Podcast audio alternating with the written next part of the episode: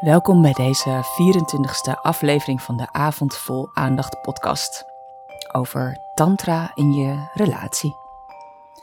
En deze episode is de eerste van een tweedelige miniserie die gaat over het fenomeen ik voel niks. En dat is iets wat ik regelmatig mensen hoor zeggen in privésessies en in de trainingen die ik geef. Eerst even iets over wat we nou eigenlijk doen bij Avond Vol Aandacht. Als ik geen retraite geef of volg of op vakantie ben met mijn gezin, dan ontvang ik iedere week ongeveer vier stellen in mijn knussenstudio in Amsterdam.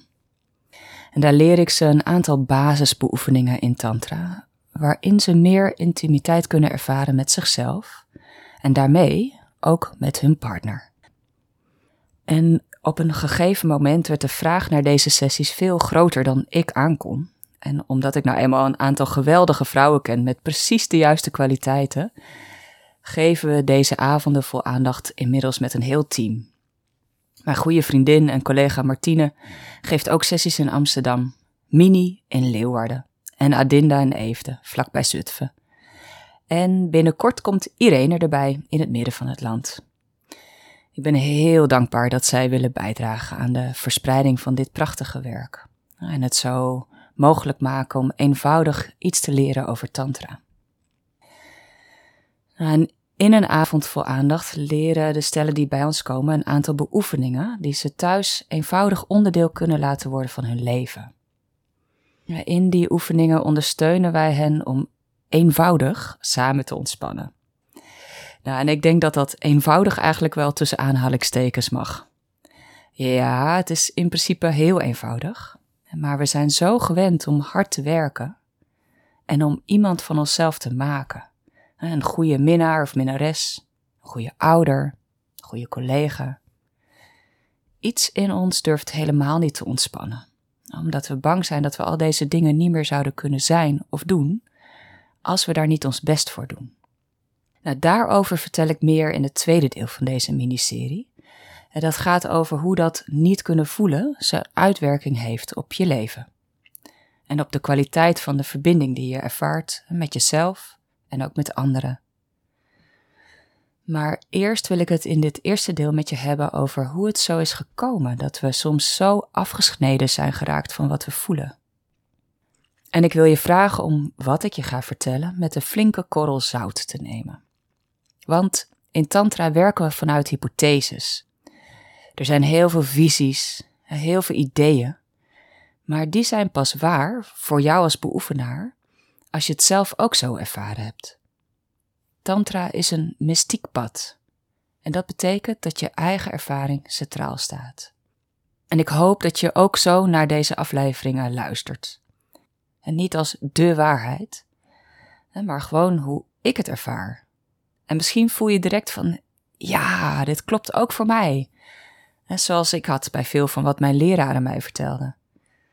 Maar er bestaat niet één echte waarheid, één manier om het leven te leven.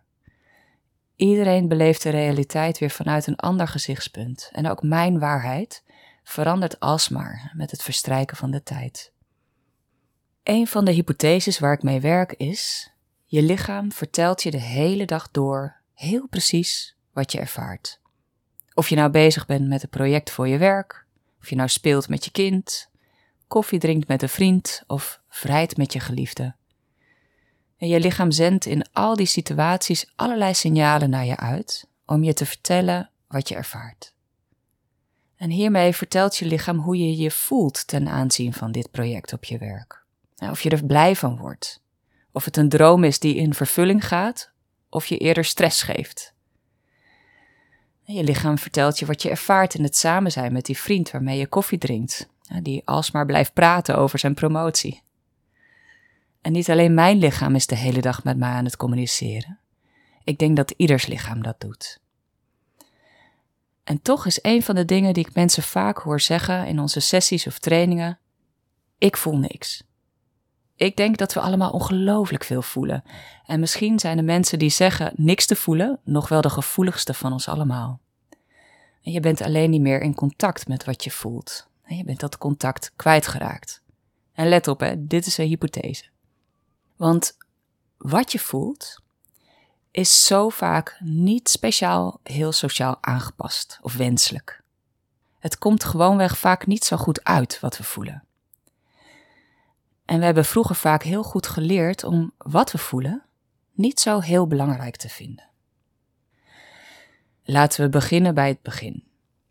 Als een kindje net geboren is, is het zo open dat het helemaal één is met de omgeving. De baby ervaart geen verschil tussen zichzelf en papa of mama. Het is bijna alsof er geen huid is, geen bescherming en geen grens. Echt één met alles om zich heen. En als de baby dan honger heeft, dan heeft de hele wereld honger. Als de baby ongenoegen ervaart, dan wordt de hele wereld een beetje minder mooi. En in eerste instantie zal de baby dit papa en mama laten weten door geluidjes te maken of zachtjes te huilen. En de natuurlijke en adequate respons van papa en mama zou zijn: ze pakken de baby op of leggen haar te drinken aan de borst van mama. Als ouders in tune zijn met zichzelf, dan herkennen ze die allereerste cues van honger van hun kindje. En dat ene speciale kleine geluidje en hup, daar verschijnt de borst. En de melk is zoet en warm en zo heerlijk. En mama's geur is heerlijk. En ze heeft precies de goede temperatuur en is heel lekker zacht. Ah, en voor je het weet is de baby weer terug in die hemelse openheid die zijn natuurlijke staat is. Maar soms zijn ouders niet in staat om adequaat, natuurlijk of onmiddellijk te reageren. Sommige baby's gaan bijvoorbeeld al heel jong naar de crash, om er iets te noemen. En daar worden ze gevoed en vastgehouden door vreemden. Vreemden die nog veel meer baby's en kleine kinderen moeten voeden en vasthouden. Zo kunnen papa en mama weer aan het werk. En dat is fijn voor de maatschappij en om onze economie draaiende te houden. Maar het is niet speciaal fijn of goed voor de baby. Want baby wil mama en, zolang die nog zo jong is, in tweede plaats ook papa. Het is heel belangrijk voor een veilige hechting dat de ouders er in voldoende mate echt voor hem kunnen zijn. Denk eens in hoe het is om een mensenbabytje te zijn. En je kunt echt helemaal niks.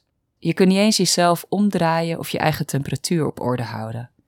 Je bent zo ongelooflijk afhankelijk.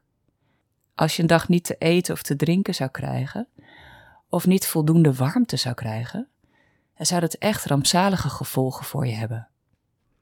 En uit onderzoek blijkt zelfs dat kindjes zelfs kunnen sterven wanneer ze niet genoeg worden aangeraakt. Zelfs als ze wel voldoende te eten en te drinken krijgen en het is warm genoeg. Aanraking is echt een eerste levensbehoefte. Soms zijn papa of mama er wel, maar komen ze niet als de baby huilt. Omdat ze zich overvraagd voelen door de baby. Of gestrest door iets op hun werk. Of afgeleid door een telefoon. Soms hebben ouders een norm van hun ouders en opvoedexperts meegekregen eh, dat je een kindje niet te veel moet verwennen door het alsmaar vast te houden. Of door te voeden wanneer het dat graag wil. Ik denk dat het absoluut onmogelijk is om je kind te verwennen met te veel aandacht. Het is namelijk niet meer dan natuurlijk voor ouders om je kindje alsmaar te willen dragen. En het is niet meer dan natuurlijk voor baby's om alsmaar vastgehouden te willen worden. Dat huid-op-huid contact met de ouders, de warmte, de geur, de heerlijke zoete moedermelk. En ook het voortdurend aangekeken en gespiegeld worden. En dit alles draagt bij aan wat we veilige hechting noemen. Er waart ergens een oud idee rond dat het goed zou zijn als een kind snel zelfstandig is. Dat het dan zou veranderen in zelfstandige, zelfredzame volwassenen. Maar dat idee klopt heel erg niet. Het is precies andersom. Hoe meer het van onze aandacht en liefde en voeding heeft gehad, hoe veiliger gehecht een kind is en hoe beter het zal functioneren later als volwassene. Kinderen die weinig aandacht hebben gehad, die niet genoeg of heel onafgestemd zijn aangeraakt, of al heel vroeg zelfstandig of wat we noemen volwassen hebben moeten zijn, die hebben later moeite om diepgaande relaties aan te gaan. En juist zij hebben moeite om zich staande te houden in de wereld, waarin nou eenmaal alles draait om relaties. Een veilige hechting maakt dat een kind vertrouwen heeft in de wereld en ook in andere mensen. Die zal het ervaren als veilig, als goed, als voedend, als inspirerend. Als je hier meer over wil weten, luister dan ook naar mijn andere episodes over kinderen en opvoeding. Krijgt een baby deze natuurlijke aanraking en spiegeling en voeding niet, dan zal het in eerste instantie zijn pijn en eenzaamheid en akeligheid kenbaar maken door harder te gaan huilen. Dat geluid is eigenlijk niet te negeren, want het gaat echt door merg en been. Als je jezelf goed kunt voelen en je bent in de buurt van een krijsende baby, dan wil iedere cel in je lijf die baby oppakken. Alles in je wil er iets aan doen. Het is onmogelijk om gewoon door te gaan met waar je mee bezig was. Alles in je lichaam reageert erop en je haren gaan overeind staan. En mijn borsten gingen vanzelf lekker als ik Coans eerste hongergeluidjes hoorde. Dat is iets heel natuurlijks en ook precies wat er zou moeten gebeuren. Maar ouders kunnen nou eenmaal niet altijd precies zo reageren als fijn zou zijn voor de baby. Misschien zijn er andere zusjes of broertjes die ook aandacht nodig hebben. Of heeft je papa of mama even tijd voor zichzelf nodig? En ik heb dat soms zeker ook. We zijn nou eenmaal niet perfect als ouder. En het is belangrijk om dat ook niet van jezelf te eisen. Soms kan een ouder zijn of haar lichaam gewoon niet zo goed voelen. En dan ervaar je niet die urgentie die het gehuil van je baby en je natuurlijke wijze laten voelen. Nou, stel je nou eens voor hoe dat is voor een baby. Die hulpeloze, compleet afhankelijke baby. Die nog steeds niet krijgt wat hij nodig heeft. En alles al heeft geprobeerd om de aandacht van papa of mama te krijgen. Geluidjes gemaakt, heeft gehuild en niks werkt. En dan, op een gegeven moment, wordt de baby woest. En terecht, want papa en mama negeren haar. En je hoort het echt als een baby woedend is, want dan zal het gaan krijzen. Nou, en als ook die woede niet gehoord wordt, dan gebeurt de juiste tegenovergestelde. Dan wordt het kindje stil, heel stil. Het trekt zijn verlangens naar contact, naar aanraking, naar verbinding en troost terug en het keert helemaal naar binnen. Het reikt niet meer uit naar papa en mama. En alles, het hele bestaan, wordt zinloos en leeg en eenzaam. Als dit maar vaak genoeg gebeurt, dan kunnen die akelige ervaringen het wereldbeeld of de levenshouding van een kind echt sterk beïnvloeden. Het kind gaat dan onbewust overtuigd raken bijvoorbeeld van dat je er in die end toch altijd alleen voor staat. Of het krijgt de overtuiging bijvoorbeeld van als ik het niet doe, dan gebeurt het niet. Of wat ik nodig heb, dat doet er niet toe. En diep binnen ons hebben we allemaal zo'n soort overtuiging. Ik ben het niet waard, bijvoorbeeld. Het is nou eenmaal de realiteit dat we niet altijd krijgen wat we nodig hebben of waar we zo naar verlangen, om welke reden dan ook. Maar ik denk ook dat we collectief als kind wel heel goed geleerd hebben dat het niet zoveel uitmaakt wat wij ervaren en wat we nodig hebben. Sommigen van ons hebben vroeger ervaren dat hun tranen en woede er werkelijk helemaal niets toe deden. En ze werden gesommeerd om op te houden met dat gepiep of gezeur of te stoppen met janken. Of ze voelden als kind heel goed aan dat papa en mama uit hun vel zouden barsten als ze opnieuw de aandacht zouden trekken en met hun gevoelens. En het is ook heel wat. Een klein kind maakt zoveel mee. In het tijdsbestek van een uur kan een kind eerst uitzinnig van vreugde zijn, daarna radeloos van verdriet en dan briezen van woede en vervolgens weer helemaal vrolijk zijn. En dat is echt heel wat voor een ouder om bij aanwezig te zijn. En dat ervaar ik nu ook, nu ik een zoon heb. Jongen, jongen. Soms is het eenvoudigweg niet te doen. Want we hebben ook nog een eigen leven waarin al genoeg gebeurt. En dan moet ook nog de was opgevouwen worden. En we kregen als kinderen eenmaal lang niet altijd de respons op onze gevoelens die we nodig hadden. Of waar we zo naar verlangen. Om welke reden dan ook. En dat heeft ons het idee gegeven dat er vast iets heel erg mis met ons zou zijn. Om je voorbeeld te geven. Stel, je bent kwaad en je ouders zeggen: naar je kamer en kom maar weer terug als je weer normaal kan doen. En dan is dat ook de boodschap. En je hoort er niet bij als je boos bent, maar je bent weer oké als je weer normaal doet. En wat dat normaal ook mag zijn. Meestal betekent dat normaal niet te veel. En we hebben je het liefst met niet al te veel energie, niet te veel uitspattingen en niet te veel highs en niet te veel lows. Een beetje zo in het midden.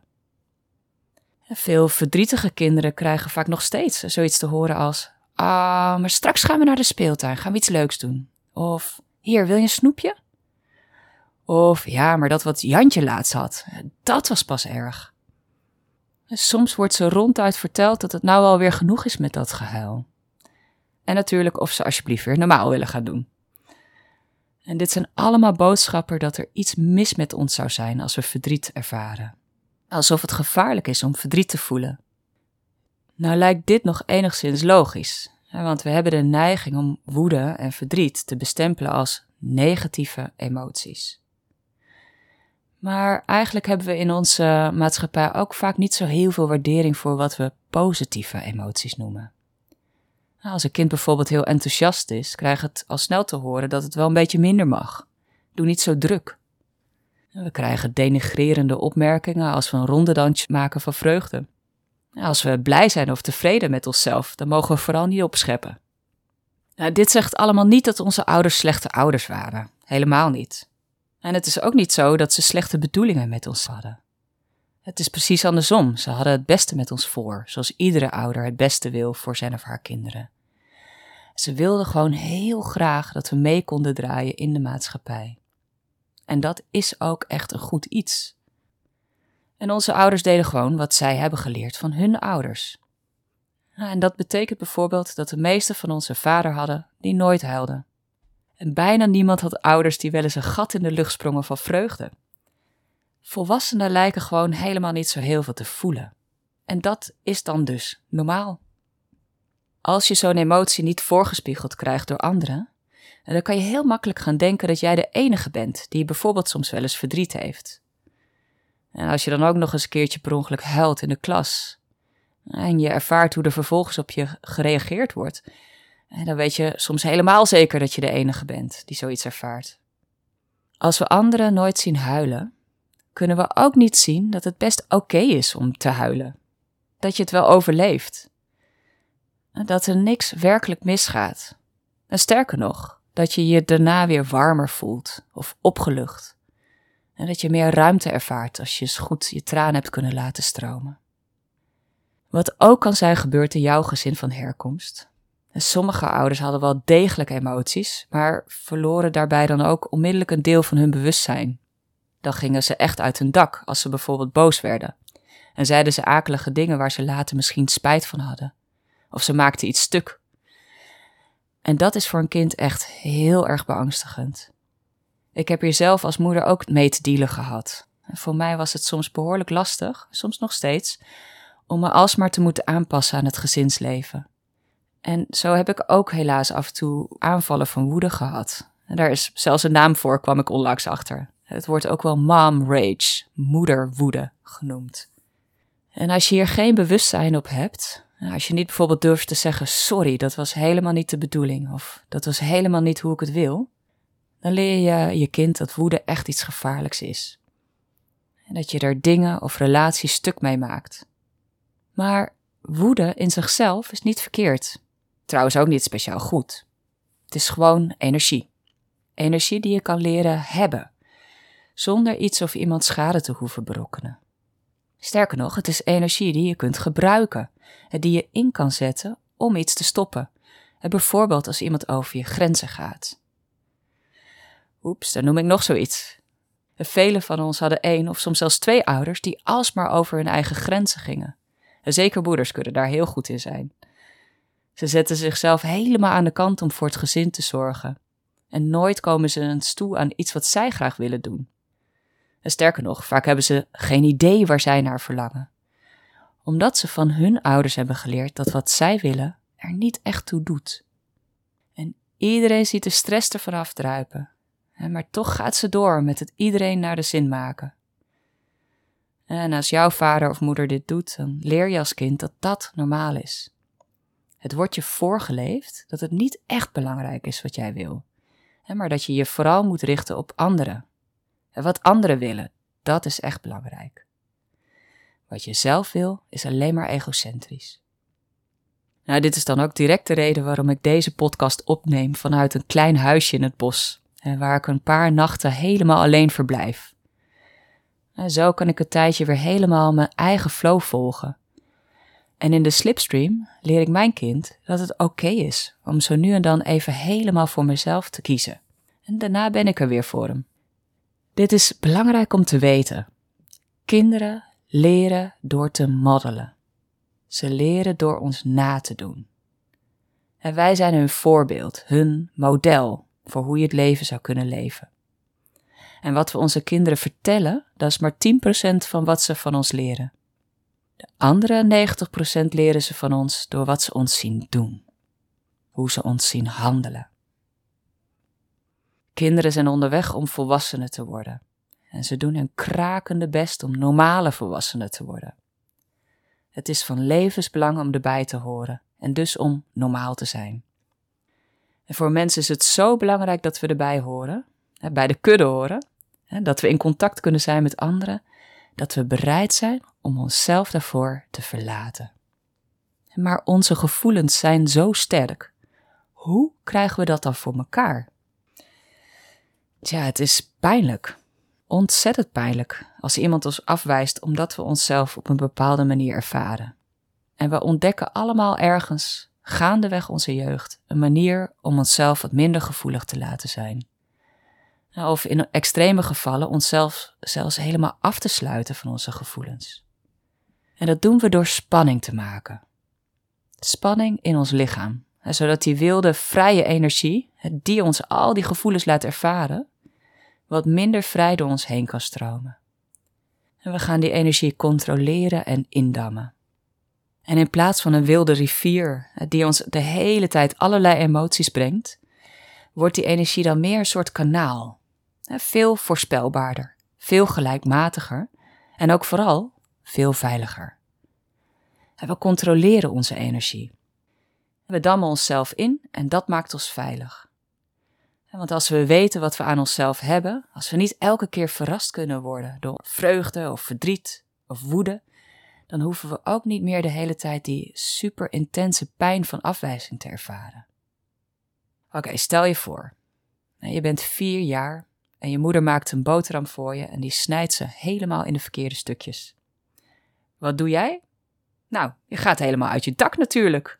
Want hoe kan ze dat nou doen? Nou, je moeder begrijpt er misschien helemaal niks van waarom jij zo uit je plaat gaat. Maar voor jou is deze reden om boos te worden helemaal terecht. Je woede is trouwens altijd terecht, of iemand anders het nou kan begrijpen of niet. Vanuit jouw gezichtspunt, vanuit jouw ervaring, is het volkomen logisch. Altijd. Maar dan ontploft je moeder ook en gaat ze tegen je schreeuwen. Nou, als je zo belachelijk doet, dan ga je maar naar je kamer. En dan zit je daar, alleen en eenzaam op je kamer. En je gaat je schuldig voelen. Je denkt, er zal vast iets heel erg mis zijn met mij, dat ik zo boos word. Ik weet toch dat ik niet zo boos mag worden? Je denkt, ik ben vast niet helemaal oké. En het maffe is, een kind zal altijd de schuld bij zichzelf leggen. Want als het zou gaan twijfelen aan de ouder en zou gaan denken: Mijn moeder is niet helemaal oké dat ze me zo afwijst, wat in feite de realiteit is, dan zou dat de relatie met die moeder in gevaar brengen. En dat kan niet, dat mag niet, want als kind ben je zo ontzettend afhankelijk van die relatie.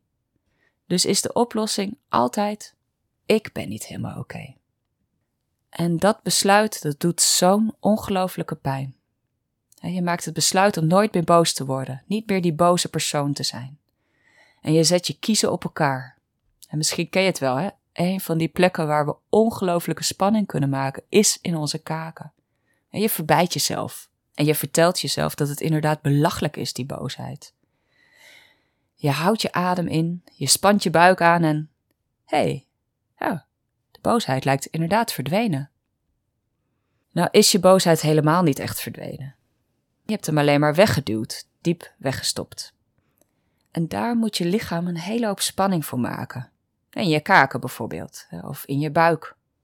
Komt vaak ook veel spanning in het middenrif, wat je ademhaling oppervlakkig maakt. En dat komt goed uit.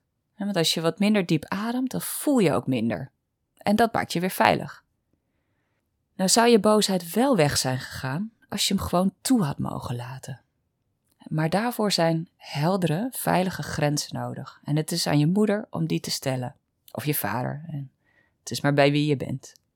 In een ideale wereld is het de taak van de volwassene om veilige grenzen te stellen, waardoor jij je moeder of je vader niet was gaan slaan of niet met dingen was gaan gooien. Als ouder kan je bijvoorbeeld zeggen tegen je kleintje: Wow, wow, wow, ik zie dat je heel boos bent omdat ik je boterham in de verkeerde stukjes heb gesneden. Zo hé, wauw. Ho, ho, stop. Jij mag mij niet slaan en je mag ook niet je bord op de grond gooien. Hier, neem deze stok en sla maar op de bank. Als je moeder dat tegen je zou hebben gezegd, zou je niet zo het gevoel hebben gekregen dat je fout was. En je zou je erkend en gezien hebben gevoeld in die enorme hete energie die er nou eenmaal door je heen beweegt. Daar kan je niks aan doen. En je zou je ook veilig hebben gevoeld, omdat je moeder heldere grenzen aangeeft en je helpt om je energie te kanaliseren. Dat is iets waar kinderen enorm naar verlangen, naar die heldere grenzen. En je zou het kind ook hebben geleerd dat het helemaal niet raar is of erg is om boos te zijn. Boosheid gebeurt nou eenmaal als er iets over onze grenzen gaat. Helaas zijn niet al onze ouders zo verlicht geweest. En we hebben allemaal geleerd hoe we spanning kunnen maken om onszelf te beschermen tegen al die intense gevoelens die ons in gevaar brengen. Dat is hoe we het ervaren. En het is precies die spanning die maakt dat we niks kunnen voelen. Of dat we soms weinig kunnen voelen.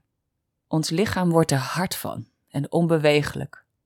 En misschien ken je het wel dat je onbewust permanent je buik iets aanspant. Nou, ik deed het zelf ook lange tijd en ik vind het een interessant gegeven dat dit helemaal in lijn is met het schoonheidsideaal van onze maatschappij. En we maken ook spanning in onze middenrif, in onze kaken. Er kan zelfs spanning zitten in onze pezen en botten. En door die spanning te maken voorkomen we dat onze energie vrij stroomt en dat we al die ervaringen kunnen hebben die we nou eenmaal ervaren.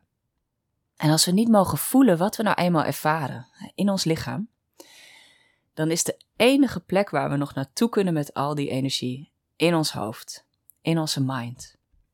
En zo vinden we onszelf als volwassenen vaak terug als denkende wezens.